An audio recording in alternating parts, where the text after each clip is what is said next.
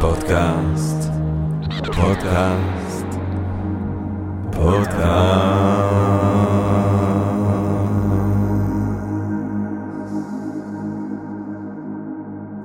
טוב, גבירותיי ורבותיי, ברוכות וברוכים הבאים לפודקאסט של Think and Read Different, פודקאסט למי שאוהב לחשוב ולשתות. אני ג'רמי פוגל, ואנחנו מתעקשים למרות הכל, ויש הרבה, ובהינתן כל אלה, ולא חסר, אנחנו מתעקשים להתחיל עם רגע של הודיה, לעצם היש, לעצם המציאות הזאת שמאפשרת לנו, למרות הכל, ובהינתן כל אלה, להיפגש כאן למען הרחבת הדעת, העמקת הידע, גירוי, אולי סיפוק הסקרנות, אולי רעיון נשגב, מעורר השחאה, ובתקופה הזאת אולי נחמה, אולי קצת מזור, אולי רגע שבו אנחנו חושבים אחרת, שבו אנחנו לא ממוקדים אה, באסון שאנחנו חווים כרגע, וכולנו ביחד ובעברית, וזה לא מובן מאליו אף פעם, ובטח לא בתקופה הזאת. אה, ואת זה לפחות יש בינתיים, ואני שמח להיות כאן, ואני מקווה שגם אתם. אה, והיום אנחנו בעצם הולכים לדבר על אה, מי שבצורה כזאת או אחרת אנחנו נמצאים כבר במאבק מזוין אה, איתם, וזה החברים שלנו, האייתולות, הרפובליקה האסלאמית אה, של איראן, כן? ואני מרגיש שבפודקאסט של הספרים הגדולים היה לנו פרק על הרודוטוס, אז שם נגענו קצת בפרס הגדולה, העתיקה, האי. אנחנו באמת במאבק נגד אומה עתיקה עם היסטוריה מפוארת מאוד, יש לומר, ובהתגלמות הנוכחית שלה, אבל היא נשלטת על ידי אותם אייתולות שנלמד עליהם היום, והם מתעקשים לדבר שוב ושוב ושוב על רצונם העז. להשמיד את הישות הציונית. עכשיו, אני רוצה להגיד משהו ששמעתי מפרופסור גבריאל מוקד האגדי, עורך השירה האגדי הישראלי, ש... יונה וולך ודוד אבידן ודורות שלמים של משוררות ומשוררים ולמי שלא מכיר את האיש, כן, הוא כבר מעבר לגיל 90 והוא סוג של האודיסאוס של ההיסטוריה היהודית במאה ה-20. הוא נולד בוורשה, הוא עוד הספיק להכיר בגטו ורשה בילדותו, חבר טוב של האבא שלו, יאנוש קורצ'אק, ואז הוא עולה לארץ, ובעצם המשפחה היחידה שיש לו בארץ זה דודה שקוראים לה פולה, שהיא נשואה לדוד בן גוריון, אז הוא עושה ארוחות שישי אצל בן גוריון, והוא רב איתו על קומוניזם ופוליטיקה, הוא פעם העז להגיד לבן גוריון בגיל 12 שהוא לא חושב שהוא מספיק קומוניסט, ואז הוא ככה סומן כיריב אידיאולוגי כבר אז, ומתחבר לדוד אבידן, ואז עורך את כל השירה העברית הצעירה המהפכנית, והוא עד היום עוד ממשיך לפרסם מאמרים, ועוד הספיק לריב עם כל מיני אנשים בפייסבוק. איש מחשים מאוד, וגם איש שמאל מובהק, כן? איש שמאל ככה... כמו שצריך, עם רעיונות של שמאל ועם רעיונות, לא, לא, לא, לא שמאל רק סוציולוגי או נולדת שמאל, יש רעיונות, יש חשיבה שמאלנית, וגם אני חושב שהוא אומר בצדק שאחת מהבעיות של השמאל בשנים האחרונות זה שלא חושבים יותר את הרעיונות, כן? אפשר לא להסכים עם כל מרקס, אבל בוא נקרא קצת מרקס, בוא נקרא קצת רעיונות שמכוננים את המחשבה של מדינת רווחה וכולי וכולי וכולי. ואותו איש שמאל, אותו איש שירה, גבריאל מוקד, פעם אמר לי שצריך לקחת מאוד ברצינות אנשים שמדברים על זה שהם רוצים להשמיד אותך. אם מישהו אומר, אני רוצה להשמיד אותך, אנחנו רוצים להשמיד אותך, כן, כמי שראה את מה שקרה בוורשה בילדותו, אתה לוקח את זה מאוד ברצינות, כן? והוא אומר, כל הביקורת האדירה שיש לו והייתה לו לנתניהו, הוא אומר, לפחות שם הוא לא טועה, כן? הוא לא טועה בזה שהוא... כל כך מותחד לכאורה מהסיפור הזה. עכשיו, שהוא ניהל את זה באופן אולי שמאפיין את יכולות הניהול שלו, אבל הטרידה, החשש, הוא הגיוני. והחשש הוא אפילו מתבקש. וגם אם יש כל מיני הסברים סוציו-אקונומיים, באמת קצת מרקסיסטים כאלה, לאיך שרעיונות מפציעים, ברגע שרעיון קיים, אז אתה לא בהכרח יכול לפרק אותו רק על ידי שינוי הרקע הסוציו-אקונומי. ברגע שהרעיון קיים, יש לו חיים משלו באיזושהי צורה, ואם יש רעיון השמדתי במשטר הזה כלפינו, וזה משטר שהוא על סף הפצצה הגרעינית, אנחנו צריכים מן הסתם לחשוב בצורה מאוד מאוד מאוד מאוד עמוקה ודחופה על איך אנחנו מתמודדים עם הדבר הזה. במיוחד שאני חושב שקיבלנו מכה בהיבריס הצבאי הישראלי, וה... מחשבה שאנחנו נטייל שם לאיזושהי תקיפה באיראן וזה יהיה סבבה לגמרי, אני חושב שבהינתן מה שאנחנו עוברים כרגע, היא מחשבה שמתבררת כנאיבית וכפשטנית, ושזו בעיה הרבה יותר חמורה כמה מטוסים עם גיבורינו שיגיעו לשם ויפתחו לנו את הסיפור הזה. אז בואו נדבר בעצם על מהי הרפובליקה האסלאמית הזאת של איראן, שכרגע איפשהו אנחנו כבר נלחמים נגד הפרוקסיס שלה, אם זה החמאס, אם זה החזבאללה, אם זה החות'ים. החברים החדשים שלנו על הבמה, אה, חות'ים, אם אתם שומעים אותנו, חות'ים, אה, ואני כאן שמח, מתגאה ומתחגש לארח את דוקטור מנחם מרחבי, בעל תואר ראשון במדעי המדינה ביחסים בינלאומיים באוניברסיטה הפתוחה, תואר שני הוא עשה בלימודים מזרח תיכון באוניברסיטה העברית, את הדוקטורט שלו הוא כתב באוניברסיטת תל אביב, שוב בלימודים מזרח תיכון, כאשר הוא חקר כן, הוא עבר בעצם מהעולם הערבי לעולם הפרסי, והוא חקר את התודעה הלאומית ההיסטורית באיראן בתקופת מוחמד רז א-שאה, תקופה מ-1941 ל-1979, תקופה של יחסים, טוב, באמת, אומר על זה, מאוד קרובים עם ישראל. אני יודע פשוט שמייק ברנט התחיל את הקריירה שלו באיראן, בביירות. לשמוע אמת, נכון, מייק ברנט. את הפוסט-דוקטורט הוא עשה באוסטין, טקסס.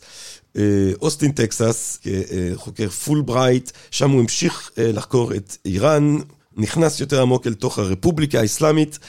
הדברים האלה בסוף הם מצאו בית, כן, יצאו לאור בסירקיוז University Press ב-2019, בספר שקוראים לו National Symbols in Modern Iran. כיום דוקטור מרחבי מרצה במרכז האקדמי שלם, וכמו כן בבית ספר לתלמידי חו"ל באוניברסיטה העברית, גם באוניברסיטה בר אילן, הוא גם נותן סקירות אה, לקבוצות של אנשים מחו"ל על קו התפר ועל הסכסוך הישראלי-הערבי הכל כך כואב ומכאיב בימים האלה ובכלל. דוקטור מנחם מרחבי, שלום רב. שלום ותודה רבה על ההזמנה. אה, תודה רבה לך אה, שבאת אלינו היום. טוב, בוא נתקוף ישר לווריד הצוואר. אני חשבתי באמת להתחיל מהדמויות האלה, אייתולה. ואז לדבר על איך הם הגיעו לשלטון ואיך הם הורידו את השאה, אבל, אבל מה זה אייתולה? מי זה האנשים האלה? אייתולה זה בעצם דרגה בהיררכיה הדתית השיעית. אה, בשיעה, אה, שלא כמו בסונה, יש היררכיה קצת יותר ברורה של אנשי דת. אפשר לדמות את זה לעולם האקדמי, אדם מתקדם מתואר ראשון, שני, שלישי. אייתולה, אפשר להגיד, זה משהו, נגיד, מקביל לפרופסור. זאת אומרת, אין אחד כזה, יש קבוצה של כמה מאות כאלה. והמשמעות של זה היא שיש להם בדרך כלל קהל משמעותי מאוד שהולך אחריהם. לאייתולות שונות יש גישות שונות בנושאים מסוימים בפסיקת הלכה. יש להם הרבה פעמים כוח אה, חברתי-פוליטי וגם כוח כלכלי. זה אנשים לפעמים שמחזיקים קרנות ש, אה, של סכומי כסף נכבדים, שוב, תלוי כל אחד איזה קהל, כמה אה, גדול הקהל שהוא הצליח לצבור מאחוריו, ואם יש שם אנשים, לדוגמה, אנשים אמצעים. וזה נותן לו כוח גם להעמיד תלמידים, מה שאנחנו קוראים, זאת אומרת, לטפח דור הבא של, של תלמידי חכמים במדרסות, וגם כוח פוליטי מסוים. מפני שהפוליטיקאים מתייעצים איתם לפעמים, הרבה פעמים לפוליטיקאי יש את האייתולה שקרוב אליו. אז התפקיד הזה, אתה יודע, כמו איזה בישופ או כמו איזה פרופסור, התפקיד של האייתולה או הדרגה של האייתולה זה משהו שקיים אה, עוד אה, מאות שנים אחורה בהיסטוריה של האסלאם השיעי. כן, אם כי זה בעיקר צבר חשיבות בעקבות אה, איזשהו ויכוח אה, אה, פנים שיעי שהיה במאה ה-18. בלי להיכנס לפרטי הוויכוח, השורה התחתונה של הצד שהייתי אומר ניצח בוויכוח הזה, הייתה שהמאמין חייב איש הלכה להתייעץ איתו. כדי להכריע בשאלות, אה, בפסיקות אה, הלכה. צריך לזכור, האסלאם כמו היהדות הוא בעיקרה דת של הלכה, ולא כל כך דת של אמונה. זאת אומרת, ההלכה ואורח החיים הוא הדבר המרכזי שבעצם הדת הזו דורשת מהמאמין, ולכן המאמין בעצם תלוי בחכם הלכה שאליו הוא יכול ללכת עם אה, שאלות. אז מתי בעצם החבורה הזאת, אה, או חבורה של אייתולות, קבוצה של אייתולות, הופכים להיות מוקד פוליטי שמאיים להשתלט על איראן? מתי הם הופכים להיות כוח פוליטי משמעותי באיראן המודרנית? אז הייתי מפריד את השאלה הזו לשני חלקים, כי שאלת פה שני דברים. להשתלט על איראן זה סיפור מאוד מאוד מאוחר. עם תפיסה של חומייני, שבטח עוד מעט נדבר עליה, שמתפתחת אה, בסוף שנות ה-60 וראשית שנות ה-70. אבל הכוח פוליטי משמעותי, זה סיפור קצת יותר ארוך. אפשר לקחת אותו אחורה לפחות לתקופה שנקראת באיראן המהפכה החוקתית, הנחילה במשרותה. זה קורה ב-1905, כשבעצם יש משבר באיראן בעקבות אה, שורה של צעדים וחוזים שהשאה הקג'ארי, אנחנו מדברים על שושלת שנקראת בית קג'אר, אה, חותם, והוא בעצם מוכר מה שאנחנו קוראים נכסים לאומיים לאנשי עסקים אה, אירופאים, בדרך כלל בריטים אה, או רוסים. אה, והדבר הזה מביא למשבר כלכלי וחברתי, ללחץ מאוד מאוד גדול מצד האוכלוסייה, בעיקר מצד אה, קבוצה שאנחנו קוראים לה הבזאר, המגזר העסקי, והם בקשרים מאוד הדוקים שיש להם עם אה, אנשי דת בכירים, שוב עם אייתולות, בעצם מביאים למעורבות הולכת וגוברת של אייתולות במחאה הגדולה שפורצת, בעצם איראן נמצאת על סיפה של מלחמת אזרחים בתקופה הזו, ו... אה, הדבר הזה לדוגמה מביא לזה שאייתולה בכיר בשם שירזי מוציא פסק הלכה, שבו הוא אוסר על שימוש בטבק. זה קורה קצת לפני המהפכה החוקתית, במרד הטבק זה נקרא, 1890. והדבר הזה מראה שהאייתולות בעצם מוצאים את עצמם, הייתי אומר, כאיזה גורם מתווך. איזה buffer כזה בין האוכלוסייה לבין השלטון. מעניין.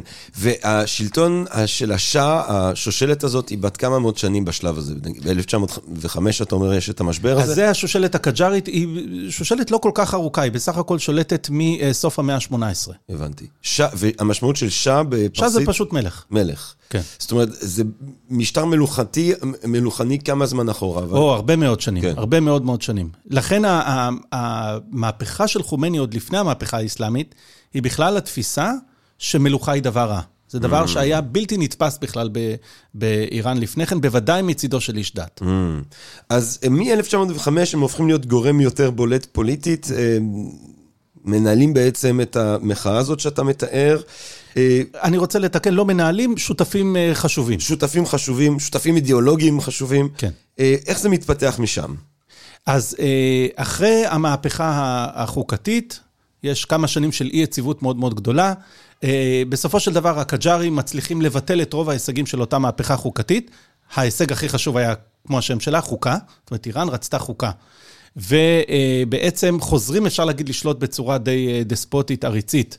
עד uh, הסוף המר שלהם, וזה קורה uh, בעקבות מלחמת העולם הראשונה, כשאיראן למעשה כבר, היא כמעט מתפרקת לגמרי מהעצמאות שלה.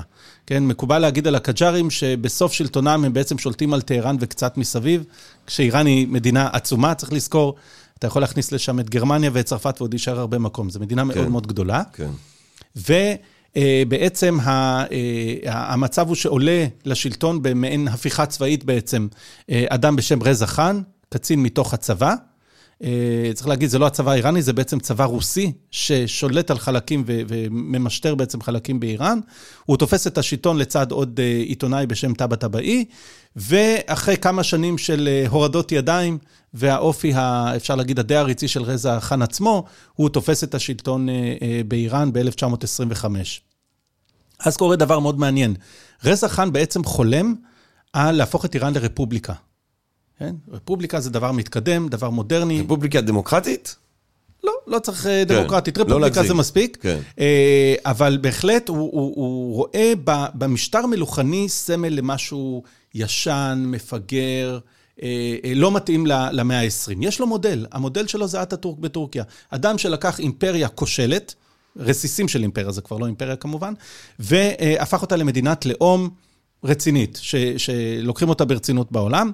אה, ובעצם הוא רוצה לעשות צעדים דומים באיראן.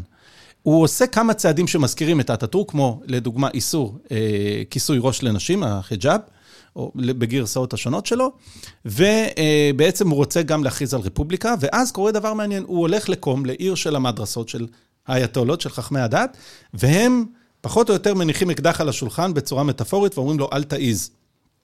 רפובליקה זה צרפתי חילוני, אנחנו, אה, איראן היא מונרכיה, תמיד היה פה מלך, ככה צריך, אה, ככה צריך להמשיך אה, להיות. זאת אומרת, הם מזהים רפובליקה עם משהו חילוני, לא מתאים לאיראן, והוא יורד מהעניין הזה, ובאמת מכריז על עצמו, אה, אה, שנה אחרי, הוא עושה טקס הכתרה גדול ב-26, ומכריז על עצמו כמלך, ומתחיל את השושלת שנקראת שושלת פעלבי.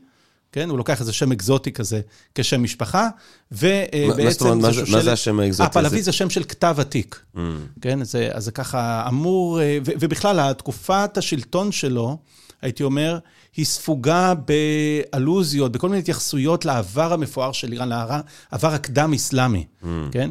וזה חלק מתמה שאינטלקטואלים באיראן כבר מפתחים מסוף המאה ה-19, שהיינו פעם אימפריה מאוד מאוד גדולה, תראו איפה אנחנו עכשיו, הם מדברים על סוף התקופה הקג'ארית, שהזרים עושים פה מה שהם רוצים, ובעצם קונים אותנו בבצע כסף, משעבדים אותנו, ובעצם אנחנו צריכים להשיל מעלינו איזשהו אה, מצבור לא טוב, שכבות של, של, של פסיביות. למרות ש... ומה שמעניין זה שהעבר המפואר הזה הוא עבר קדם אה, מוסלמי, כן? נכון, לכן יש אה, אלמנט חילוני. כורש ו... כן, ו- כן, בהחלט, ו- הם מדברים על זה. ודריוס, הם, הם לא היו מוסלמים. כן, אז הם, באמת יש פה לכן אלמנט חילוני מאוד. חילוני במובן הזה שמבחינת עולם, התפיסת ההיסטורית, נגיד האסלאמית הקלאסית, התקופה שלפני מוחמד היא תקופה לא טובה, ג'ייליה, תקופת הבערות, וממוחמד אנחנו בתקופה הרבה יותר טובה. ופה בעצם נוצר איזשהו היפוך שאומר, לא, בעצם לפני האסלאם היה הרבה יותר טוב. והאינטלקטואלים האלה, בחלקם, אה, משלבים את החילוניות הזו עם גזענות. הם גם אומרים, מי הביא לפה את הדת הזו שלקחה אותנו כל כך אחורה? הערבים, כן? אוסף של יחפנים מהמדבר, שהביאו לפה דת שלקחה אותנו אחורה, אנחנו צריכים לחזור ל... והם כבר מכירים את התיאוריה הארית, אנחנו צריכים לחזור ליסודות האריים שלנו, העליונים שלנו, ולהשיל מעלינו את האסלאם ואת כל 아, ה... הם, גם, הם, הם ממש מדברים מפורשות על להשיל את האסלאם? בהחלט. לחזור לאזור חלקם, לא כולם, אבל יש בהחלט אלמנט חילוני, רדיקלי, שאומר, האסלאם הוא... אה, יש לו תפקיד מרכזי במקום הנמוך שאליו הגיעה האומה האיראנית. ומדברים על הכלנה או על חזרה לזורואסטרניזם? או... אז יש רומנטיקה זורואסטרית, גם, כן. גם את זה יש, או פשוט חילון. זאת הייתה הרוחניות או הדת שקדמה לאסלאם באיראן. כן. כן, כן, כן, זה דת דואלית שמדברת על אל טוב ואל רע. כן. מאוד השפיעה אגב על היהדות. כן. בתקופת התלמוד. אה, וכן, ויש, אז יש רומנטיקה זורואסטרית. והמנהיגים הגדולים הם היו באמת אה, זורואסטרים? מתי? אה, זאת אומרת, אם אנחנו מדברים על העידן המודרני, לא. לא, אני לא מדבר על כורש ודריוס. אז עם כורש ודריווש זה קצת... אני, למיטב ידיעתי, אין ידיעה ברורה כן. אם הדת הזו בכלל הייתה קיימת אז. Mm. כן? אבל מה ש... לא פחות חשוב זה, יש צורך להשלים את, ה, את הגאפ הזה, כן. איזה מין גשטלט כזה, ואז אומרים, כן, כורש היה, חייב היה להיות זורואסטרי, לא יכול להיות אחרת, ולכן הוא חגג את ראש השנה האיראני, זה קורה ב-21 במרץ, אה, בפרספוליס, בעיר, אה, כן, עיר הבירה. של האחמנים. עכשיו, יש פה כמה הלחמות של דברים שלא באמת מתחברים. כן. פרספוליס עוד לא הייתה קיימת בימי כורוש, אנחנו לא בטוחים בכלל שהוא היה זורואסטרי, או שהדת הזו בכלל הייתה אה, אה, קיימת אז, אבל הצורך הזה זה ממש צורך של אומה... national symbols. בדיוק, זה לבנות סמל עם קוהרנטיות. אז אנחנו היינו, התחלנו מה... סליחה, לקחתי אותך מהשם אה, האקזוטי שהוא נותן לעצמו. כן, הפעלבי. כן. והוא באמת מנהיג באיראן שורה של רפורמות כדי להפוך אותה למדינת לאום מודרנית. אה, אה, הוא... גם בנאומים, לדוגמה, בהכתרה שלו ובנאומים סביב השעה, אתה רואה הרבה את ההתייחסויות האלה. הנה, השעה שלנו הוא מין התגלמות מודרנית של המצילים הלאומיים לאיראן, לאיראנים, כמו לעמים אחרים, יש אה, כמה מיתולוגיות על איזה מציל לאומי כזה שהגיע ברגע האחרון והציל את האומה מאבדון אה, מוחלט. אה, יש עוד פן לדוגמה של הרומנטיקה הזו, אם אתה רוצה, זה ההאדרה של האפוס הלאומי האיראני, השאנמה, ספר שכותב משורר בשם פרדוסי, אה, הוא מהעיר טוס באיראן אה, במאה העשירית. וב-1935, לדוגמה, אה, כביכול אלף שנה, מילניום, לשאנמה, רזה שאה מארגן כנס גדול של חוקרים מהמערב, מכל העולם, כן? לכבוד פרדוסי עם היבטים שונים, עם הרצאות על השאנמה. מה זה הגעגוע לשאנמה? השאנמה הוא אפוס שמדבר על תולדות איראן, מ... אה, נגיד הערפל המיסטי, כן, מהתקופות לפני ההיסטוריה, כן, ועד איפה נגמר האפוס הזה? עם בוא האסלאם. זה חורבן המוחלט של איראן, כשהססנים, השושלת האחרונה לפני האסלאם אה, נופלת. זה מבחינת פרדוסי סופה של אה, תקופה. למרות שפרדוסי, מהעשירית הוא כמובן מוסלם. Mm. מאמין מוסלמי. בוא נמשיך הלאה. אנחנו, מאיפה? אנחנו בשנות ה-40? אנחנו, כן, אפשר כבר להגיע לשנות ה-40. רזה שעה שולט מ-25 עד 41, בהקשר של מלחמת העולם השנייה. בגלל כל מיני פלירטים שיש לו עם הרעיון הנאצי ועם ה, הנאצים, זה קשור לעניין הארי הזה. כן. כן. הוא לדוגמה אה, מחליט אה, שהשם של איראן הוא רק איראן. אסור לדבר על פרס. Mm. למה? כי איראן זה בא מארי. Mm. אטימולוגית זה כנראה לא נכון, אבל יש איזשהו, שוב, איזושהי תפיסה שאנחנו צאצאים של השבטים הארים. זאת אומרת, המונח אה, בפרסית הוא איראן, ויש גם את האפשרות להגיד פרס? כן, אפשר להגיד גם אה, פרס. פרס זה בעצם בא משם של מחוז בדרום, מחוז פארס, והשם, כמו שאנחנו מכירים, שבטים גרמנים וכולי, השם מתפשט מהמחוז לכל, ה... כן. לכל המדינה אחר כך. אה, והוא אה, מפלרטט עם הצד הנאצי, אני מניח? הם, הם לוקחים צד אה, פעיל בלחימות? לא, איראן באופן עקרוני היא ניטרלית. Mm-hmm. היא מאוד נזהרת, הוא יודע שהוא לא יכול לשחק עם העניין הזה, אבל יש לבריטים חששות מאוד כבדים מזה שאיראן תיפול לצד הנאצי במלחמה. יש אגב מפלגה נאצית באיראן, סומקה, שגם מסמנת עסקים של יהודים וכולי. אמ, זה לא השלטון, אבל החשש היה מאוד אמיתי שאיראן תיפול. צריך לזכור, הנפט הוא כבר גורם אה, גיאו-אסטרטגי מאוד חשוב, והחשש היה שאם היטלר יגיע לנפט הזה, מי יודע לאן אנחנו הולכים. אה, הוא מת ב-41.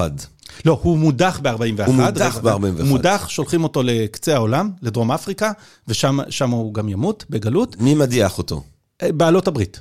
בעלות הברית בעלות הברית, אותו. כן. כן. ומי שולט במקומו? וממליכים את הבן שלו, מוחמד רזה. את אה, הבן שלו? את הבן שלו, וואו. מוחמד רזה שעה, בחורצ'יק צעיר.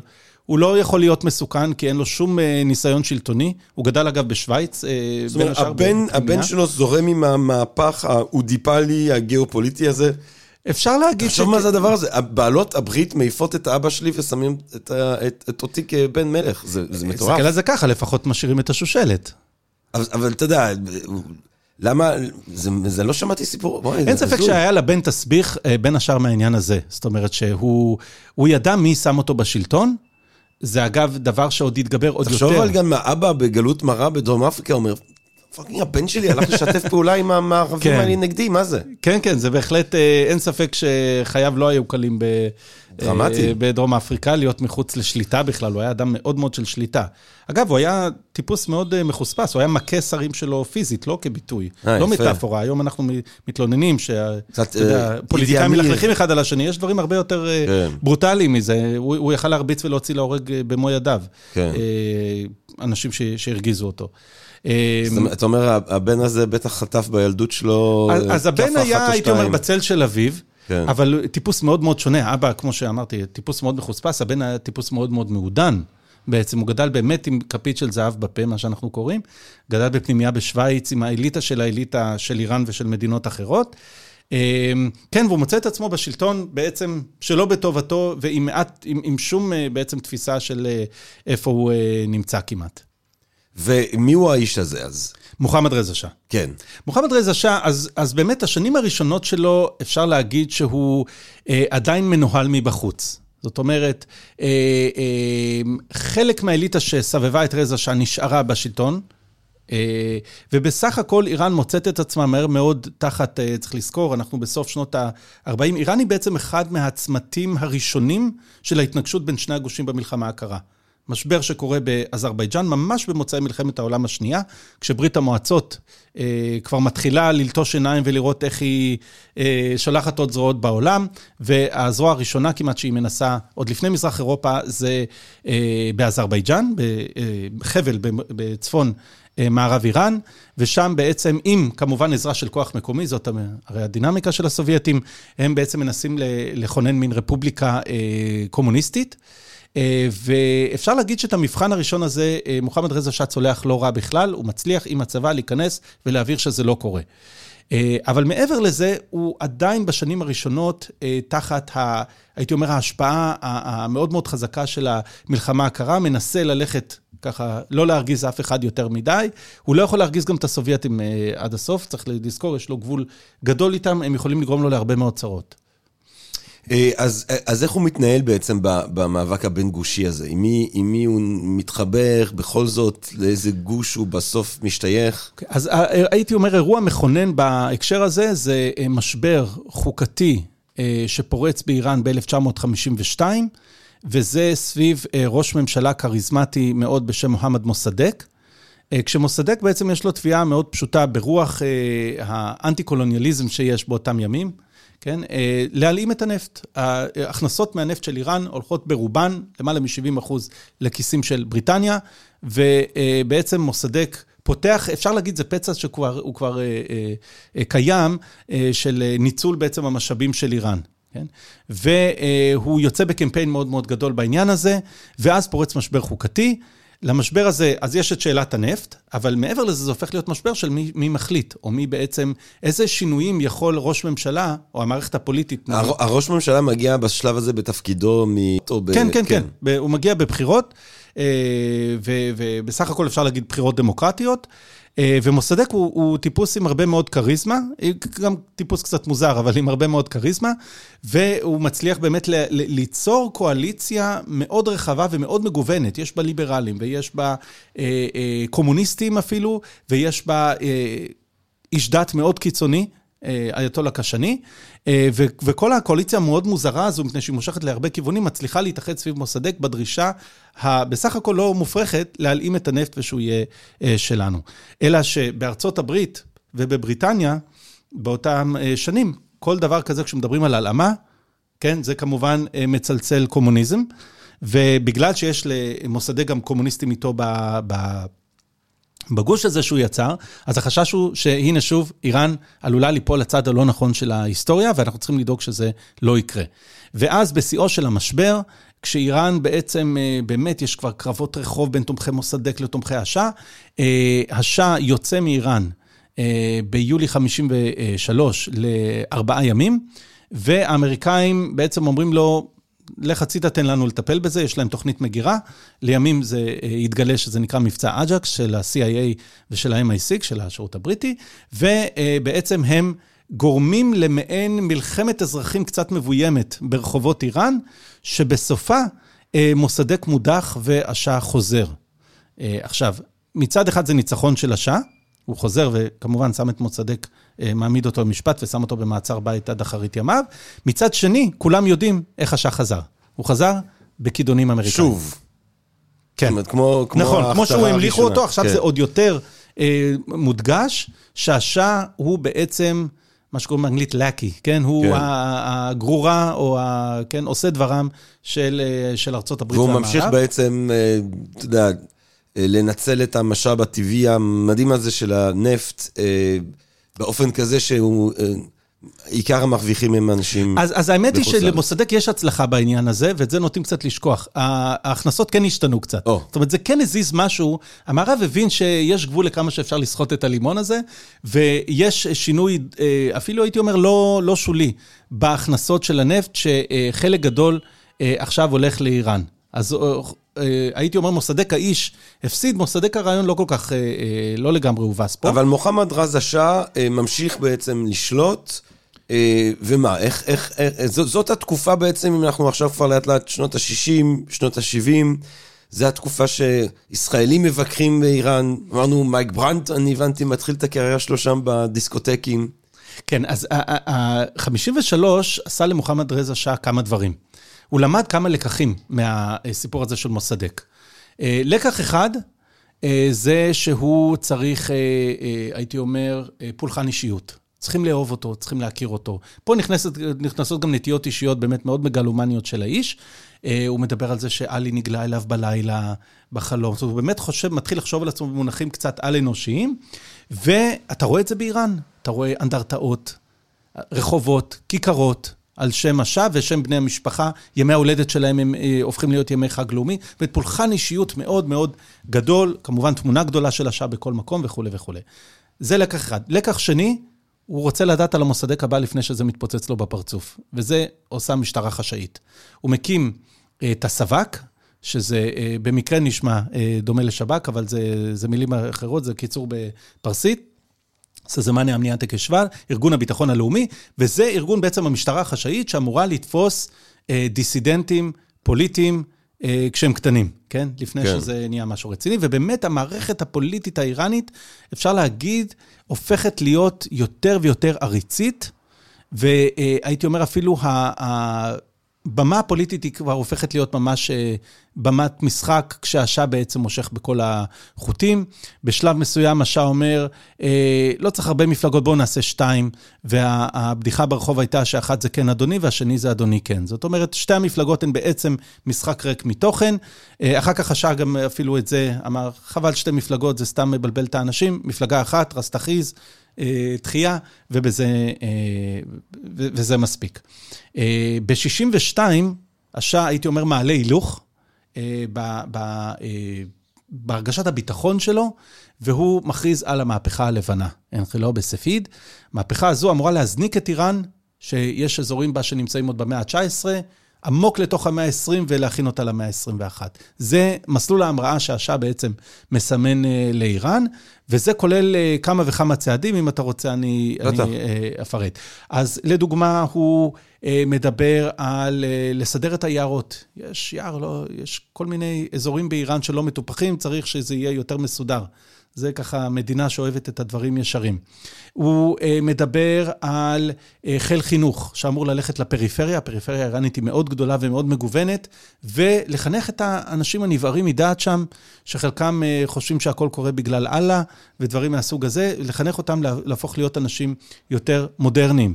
היגיינה לדוגמה, תכנון משפחה, כן? כל מיני דברים. עכשיו, הדברים האחרונים שהזכרתי הם גם נתפסים כמתקפה על הדת, באופן מאוד ברור. מי מלמד בכפר קרוא וכתוב? איש הדת המקומי. עכשיו אומרים לו, זוז הצידה, יש לנו חבר'ה צעירים שהגיעו מטהרן, או מהערים הגדולות, הם מודרניים, הם מתקדמים, הם יעשו את זה. Uh, uh, המהפכה הלבנה כוללת uh, uh, גם, uh, uh, הייתי אומר, קמפיין תרבותי, כן? Uh, יש באיראן פסטיבלים. כן, פסטיבלים של מחול ושל אומנויות שונות, נשמע נפלא, אבל פסטיבלים האלה לפעמים מביאים מופעים אוונגרדיים מאוד לא צנועים, והדבר הזה, כשאיראנים רואים בעיתון, מופעים בעירום, דברים מהסוג הזה שקורים בפסטיבל בשירז, זה ממש ממש גורם להרבה מאוד זעם. הזעם הזה בעיקר רואים אותו בקום בעיר המדרסות. שם בעצם זה, הייתי אומר, מוקד הכוח של אנשי הדת, ובתוכם מתחיל לבלוט אחד בשם רוחלה חומני. Mm. הוא מוביל הפגנות ב-62. 62 כבר הוא מתחיל. ב-62, כן, כן, כן. עם המהפכה הלבנה הוא מוביל הפגנות שמביאות לבעצם אה, אה, מהומות, דיכוי של המשטרה, הרוגים, ולכן מתקבלת ההחלטה להגלות את חומני אה, מאיראן החוצה. ולאן הוא הוגלה? בסופו של דבר הוא מוצא את עצמו בעיראק אחרי קצת התלבטויות. Uh, הוא מוצא את עצמו בעיראק, שזה קצת מוזר, כי עיראק היא לא בדיוק מדינה ידידותית לאיראן, אז uh, מבחינת סדאם חוסיין יש בזה מהלך אולי חכם, מה שנקרא, תשמור על האויבים שלך קרוב, הוא רוצה דיסידנטים איראנים קרוב אליו. Uh, מבחינת חומני זה לא מופרך, מפני שעיראק, צריך לזכור, היא מדינה, היא ארץ מרכזית יותר אפילו מאיראן למאמין השיעי. יש שם את ה, בעצם את הקברים הגדולים של האימאמים, את המדרסות הכי גדולות. קום היא פטנט די מודרני מבחינת עולם המדרסות. המדרסות הוותיקות יותר נמצאות בנג'ף, בקרבלה, אלה ערים בעיראק, שבהם יש קברים של אימאמים, כן. וכל קבר כזה הופך להיות מרכז דתי. זהו, כולנו למדנו בכיבוש האמריקאי של, של עיראק, יש... נכון, שמענו הרבה על קרבלה, כן, כן, כן, כן, כן, בהחלט. אז, אז קח אותנו יותר קרוב בעצם להפיכה הזאת שחומייני אה, יעמוד בראשה. אוקיי. אז אני אפילו רוצה לתקן את העניין, יעמוד בראשה. הוא מוצא את עצמו בראשה אחרי שהיא יצאה לדרך. Mm. הוא לא המתכנן הגדול שלה. אבל לפני כן צריך להבין יותר, אני חושב, מה תפיסת העולם של חומני, כי הוא עושה פה מהפכה מאוד גדולה בתוך עולם המדרסות, לפני שהוא, אה, לפני שהוא יוכל ליישם את זה על איראן. חומני יושב לו בגלות, ורואה את איראן הופכת להיות דיקטטורה מלוכנית מהסוג הכי גרוע מבחינתו. והוא מפתח תפיסה מאוד מעניינת שאומרת... גם חילונית במידה מסוימת. נכון, יש בהחלט אלמנטים מאוד חילוניים, למרות שהשעה אף פעם לא אמר כמובן שהוא חילוני או אתאיסט, זה לא שפה שבכלל מדברים אותה, אבל בהחלט בהתנהגות, באורח החיים, בסגנון, אפילו תראה פרסומות בעיתונות האיראנית משנות... זה לא עיתונות חופשית, אבל הפרסומות בה נראות כמו ממגזינים אה, מערביים לכל עניין ודבר, והדבר הזה מאוד מאוד חורה לחומני. ו... הייתי אומר, הניכור של המדינה, בכף, לדת, אה, הולך יד ביד עם מה שנתפס כניכור הולך וגובר לאוכלוסייה. כן? בעיקר לאוכלוסייה, שנגיד שהיא לא מקורבת לשלטון. וזה מאוד מאוד אה, מדבר לדור צעיר איראני מתוסכל, שמרגיש שהוא יצא קרח מכאן ומכאן. הוא לא באמת מערבי, והוא לא באמת, והוא איבד משהו כבר. זאת אומרת, יש, יש צעירים איראנים, כן, אה, וואי, אה, זאת אומרת, אה, מי שיכוננו שיתחילו את המהלכים שהובילו לפכה הם צעירים איראנים, שהם לא פונדמנטליסטים דתיים. לא בהכרח, לא בהכרח. אבל הם מתנגדים בעצם למשטר הדיקטטורי, המלוכני. הם, נכון. יש להם שאיפות דווקא דמוקרטיות אולי. לחלקם, לחלקם יש שאיפות דמוקרטיות, לחלקם יש שאיפות מרקסיסטיות. המרקסיזם הוא מאוד חזק כאידיאולוגיה באיראן, אלא שכל ההנהגה של המרקסיסטים בעצם רוסקה על ידי מוחמד רזה שאה.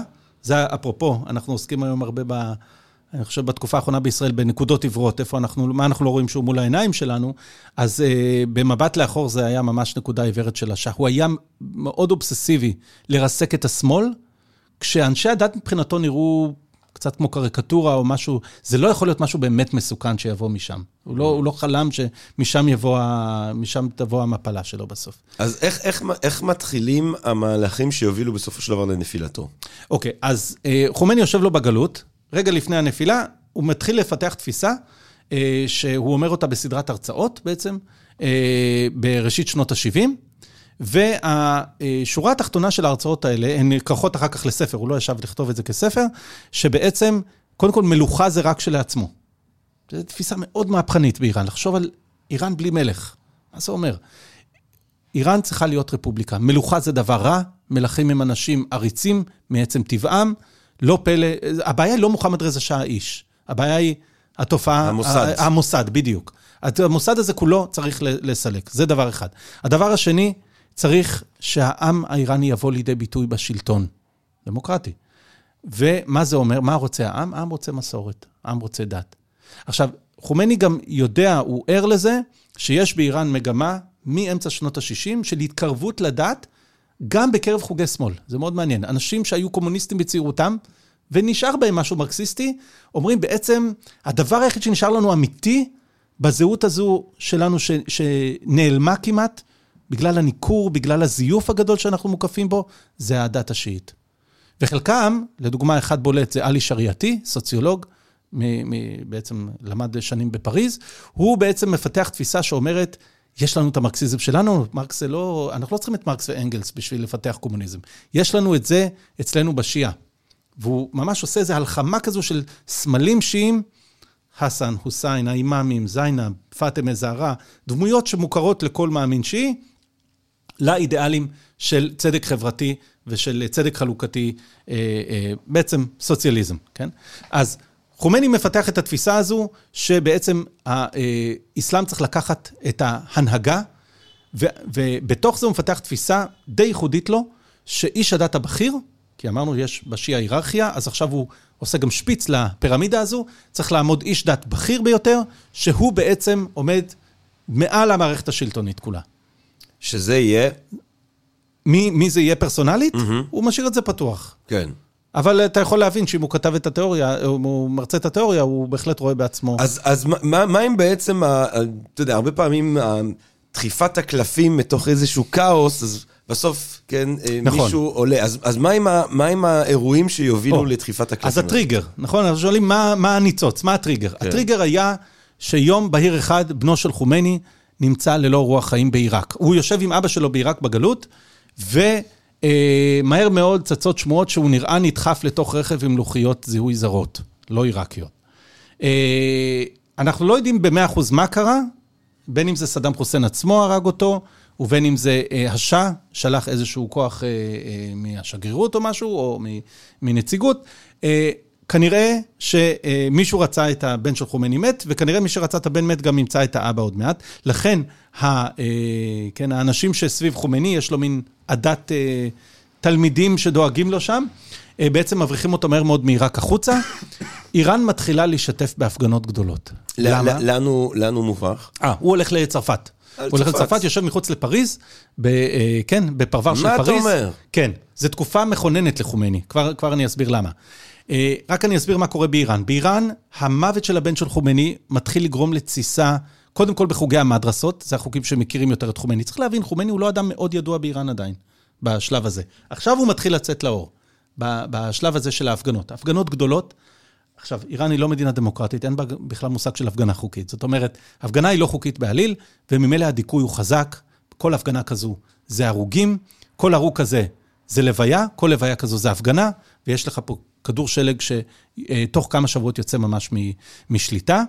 אה, מה שעוד הוסיף לחטא על פשע, זה שביום ה-40 למותו של הבן של חומני, מתפרסם בעיתון השופר הדגל של המשטר הפעלבי באיראן, כתבת שטנה שמבזה את הבן ומבזה את אביו, ובעצם לועגת לו ולכל מי שמתאבל עליהם.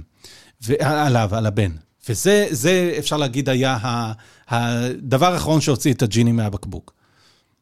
אבל, אבל אז יש לנו בעצם מחאה של הגורם היותר אה, דתי, ודיברנו שיש גם את התסכול הזה של הצעירים שהם לא בהכרח נכון, אז, אז פה כבר מתחיל, כבר מתחיל להיות החיבור. זאת אומרת, להפגנות האלה כבר מתחילים להגיע עוד אנשים שהם לא מהמעגלים הדתיים, כן? אה, מפני שיותר ויותר אה, אנשים, קבוצות, מה שקוראים, נופל להם האסימון, שמשהו פה מאוד מאוד לא בסדר במדינה הזו, ולכן צריך אה, למחות.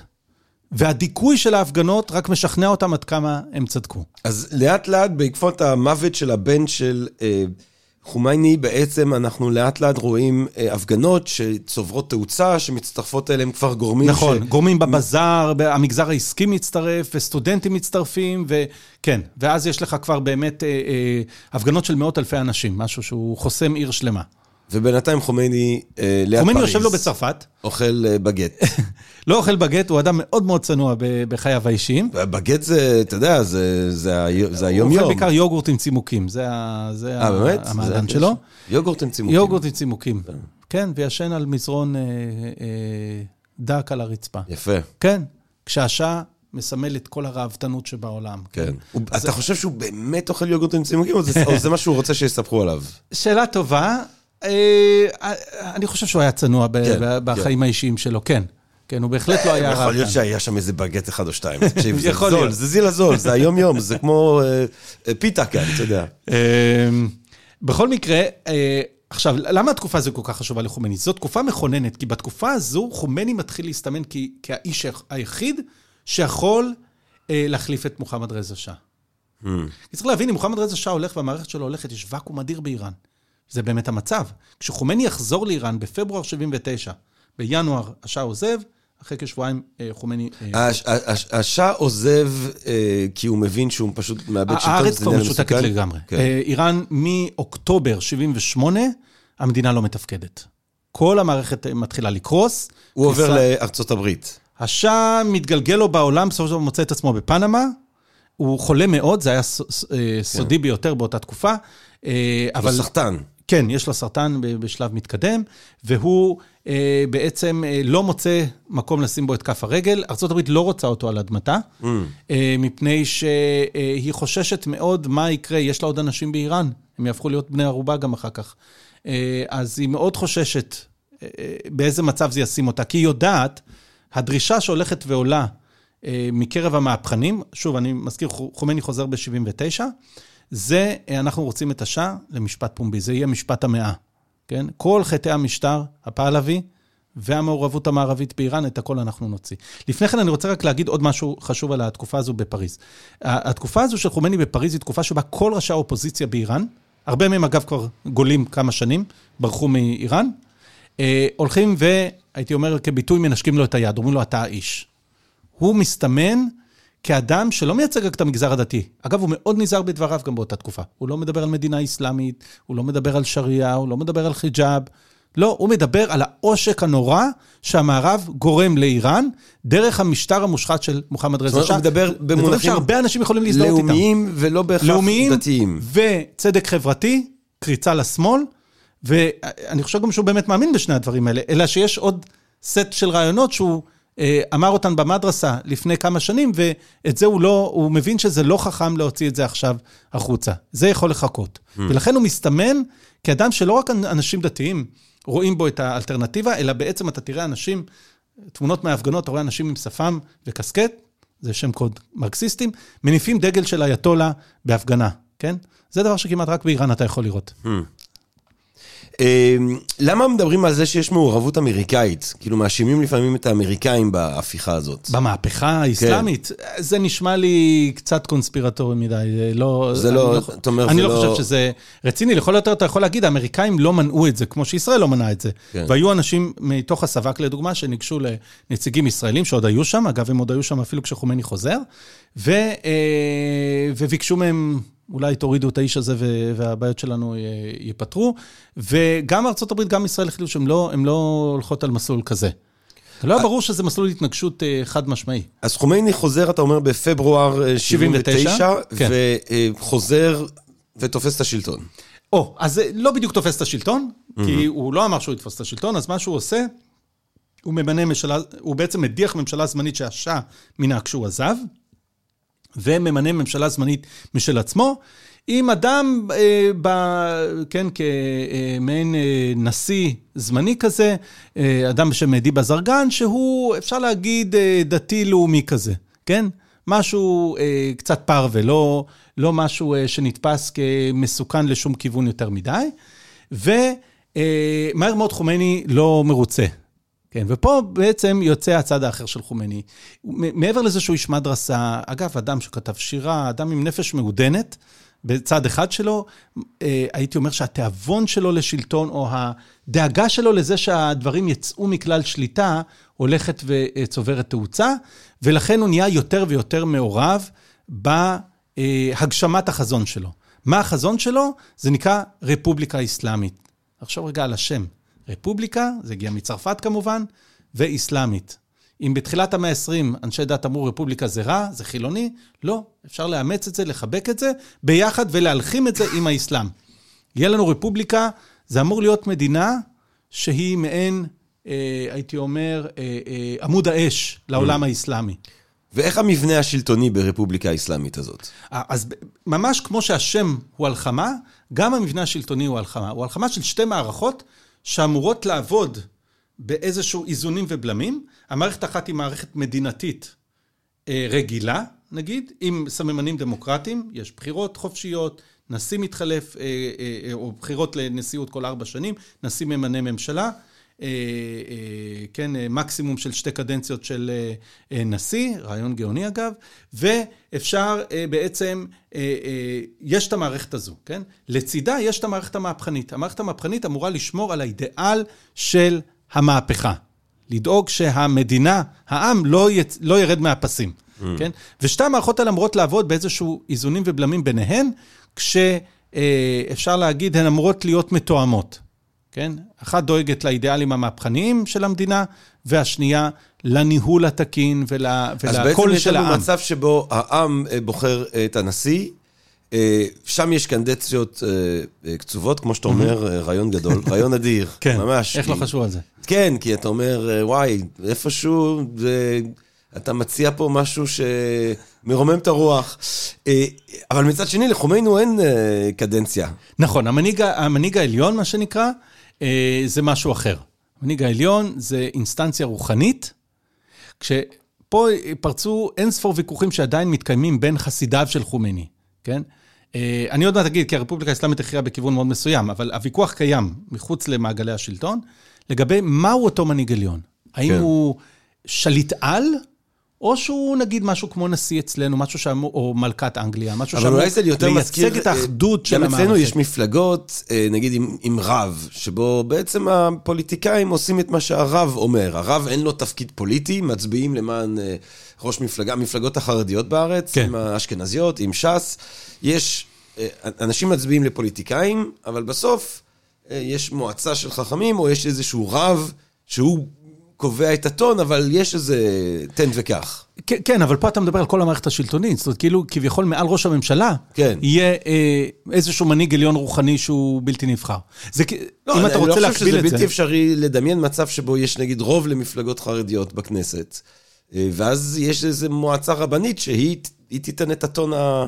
נכון, נכון, במקרה כזה, בתסריט כזה, בהחלט אה, נוכל להגיד שאנחנו נהיים אה, ממש דומים. כן. כן. במהרה ובימינו, מה שנקרא. אה, ה- אז, אז, אז, אז, אז אומרים אייתולות, אבל בעצם אתה כל הזמן מדבר על אייתולה אחד. נכון. על חומייני. נכון, כי אה, פה אה, אני אגיד כמה מילים על היחסים ב- בתוך העולם הדתי. חומייני עשה מהפכה תפיסתית מאוד גדולה בקרב אנשי הדת. לא כולם אהבו את זה. אה, היו לו כמה וכמה אכזבות מזה שהיו אנשי דת, כולל אחד שהיה בעצם בכיר ממנו, בשם שריעת מדרי, שאמרו לו, אני לא מצטרף לרעיון שלך. הווילת אלפקי הזה, הרעיון של ח- שלטון חכם מההלכה, רעיון גרוע, כן? היה עוד שלב שבו יכלו להגיד לו את זה בפנים.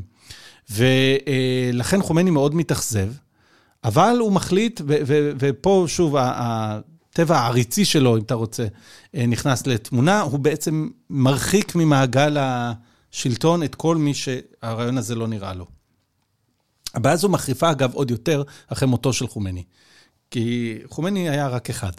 חומני שלט עשר שנים. כאילו, ב- זאת אומרת, עומד כמנהיג עליון עשר שנים, אחר כך הוא מת.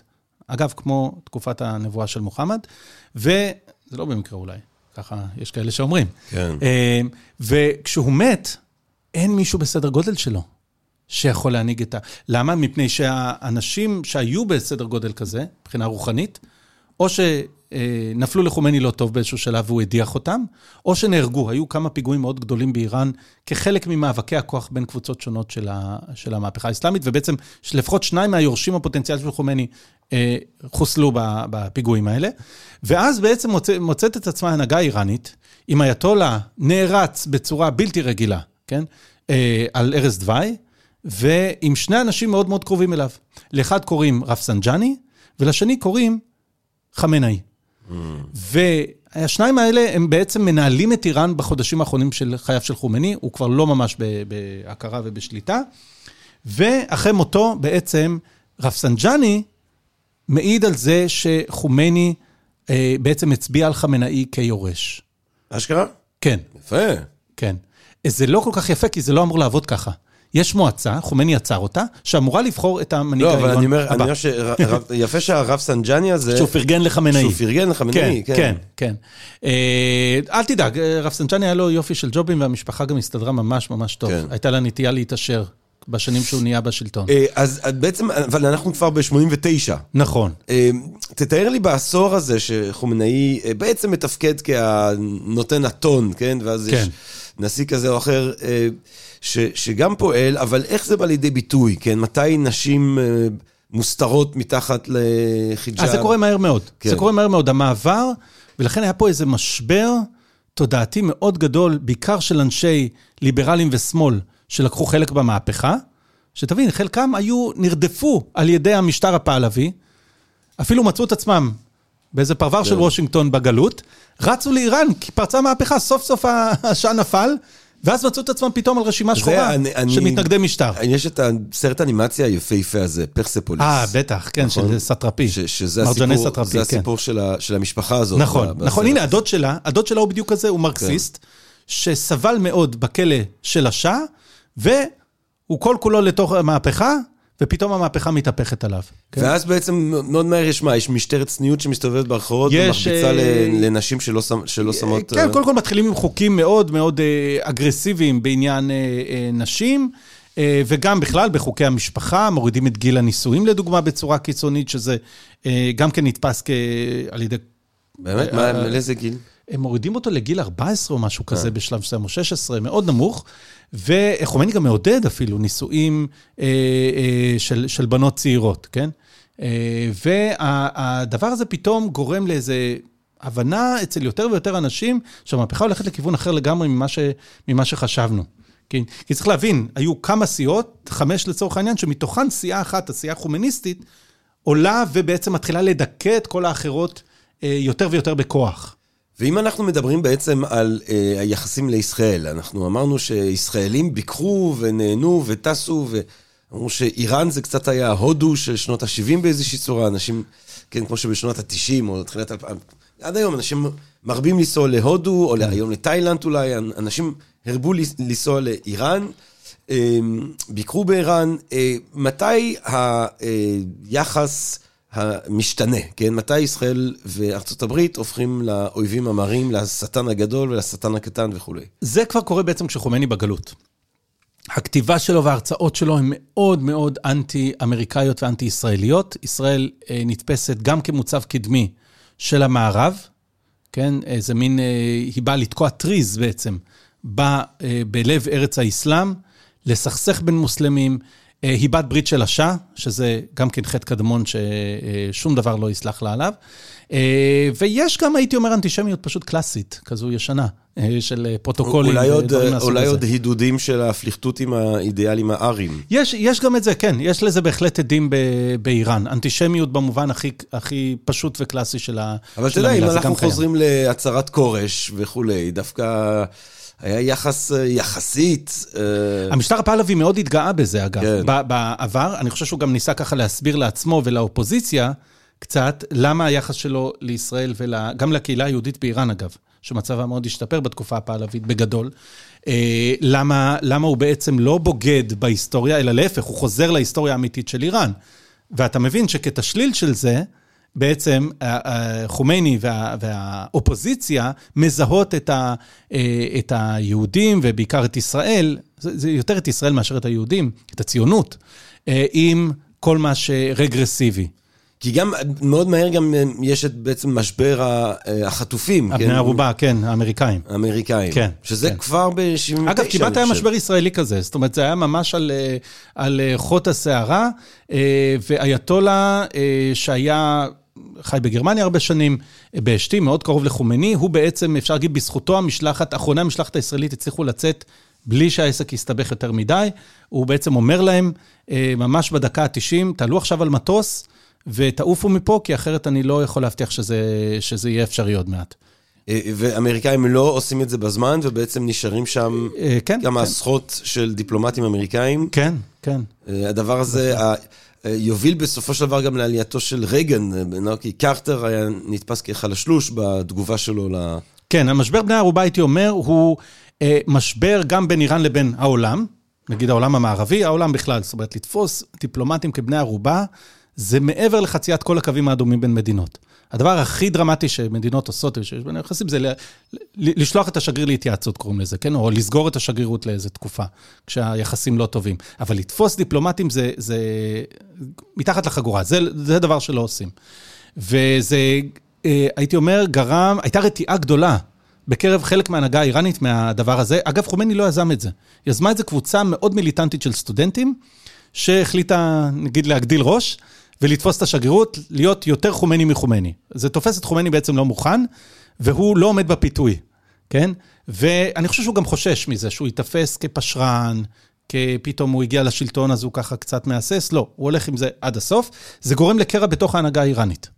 גורם לקרע מפני שהנשיא, אה, אה, בעצם הראשון של הרפובליקה אה, האסלאמית, מחליט שזה לא מתאים. כל, כל המצב הזה לא אמור לקרות, אה, את הדיפלומטים האלה היה צריך לכל, לכל היותר לגרש מאיראן, לא לתפוס אותם כבני ערובה. אם מחזיקים אנשים כבני ערובה תקופה ארוכה, אנחנו יודעים, דברים יכולים מאוד מאוד להסתבך, אין שליטה על מה בדיוק יקרה איתם אה, בכל רגע נתון, וזה אה, מצב מאוד מאוד מסוכן לאיראן. אז בוא נדבר קצת על האייתולה הבולט אחרי חומייני, חמינאי. חמינאי, כן. חמינאי אז מוצא את עצמו מושבע באופן זמני למנהיג עליון של איראן. יש אה, נאום אה, ידוע שלו כשהוא עומד מול מועצת המומחים. צריך להבין, זה אמור לעבוד קצת כמו בוותיקן. זאת אומרת, כשמת המנהיג העליון, מת, מתכנסת מועצה. הבישופים. של קרדינלים כאלה, נגיד. קרדינלים, כן. כן. והם אמורים לבחור אחד מהם בעצם, אה, לסמוך את ידיהם ולהפוך אותו למנהיג העליון. המועצה הזו גם יכולה להדיח אותו. אגב, הכוח שלו לא אמור להיות מוחלט. אה, אז רפסנג'ני, בגלל שהמצב היה לא, לא יציב, רפסנג'ני, כמו שאמרתי, אומר, אייתולה חומני רצה את חמנאי כמנהיג עליון, והוא בעצם מקבל הצבעה לשנה. Hmm. לשנה משהו זמני. שבתקופה הזו אמורים למצוא מישהו שמתאים. מה הבעיה איתו? הוא לא אייתולה. אייתולה היא דרגה. אז זה כמו שתיקח מישהו מתואר ראשון, או שסיים כן. תיכון, ואתה אומר, אני רוצה שהוא יהיה נשיא האוניברסיטה. כן. בוא נארגן לו מהר פרופסורה. בעיה. אתה גם יכול לתאר לעצמך מה חושבים האנשים האחרים בחדר עליו. הם כן. לא כל כך אוהבים את זה, נכון?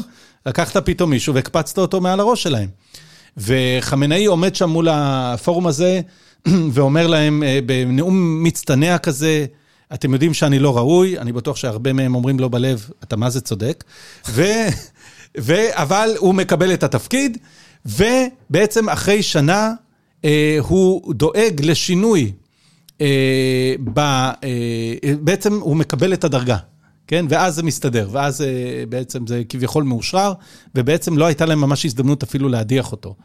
אה, ואז חמינאי, מאז הייתי אומר, דווקא בגלל שאין לו את ההכשרה הדתית המתקדמת, הוא לא איש דת בכיר, אה, הוא, יש פה איזה חוסר ביטחון מאוד מאוד עמוק. Mm. מוטיב חוזר, היה לנו את זה מוחמד רזה שאה. חוסר ביטחון עמוק גורם ליותר עריצות. כי אתה יותר רוצה לשלוט במצב, כי אתה יודע כן. שהוא יכול לצאת לך מהידיים.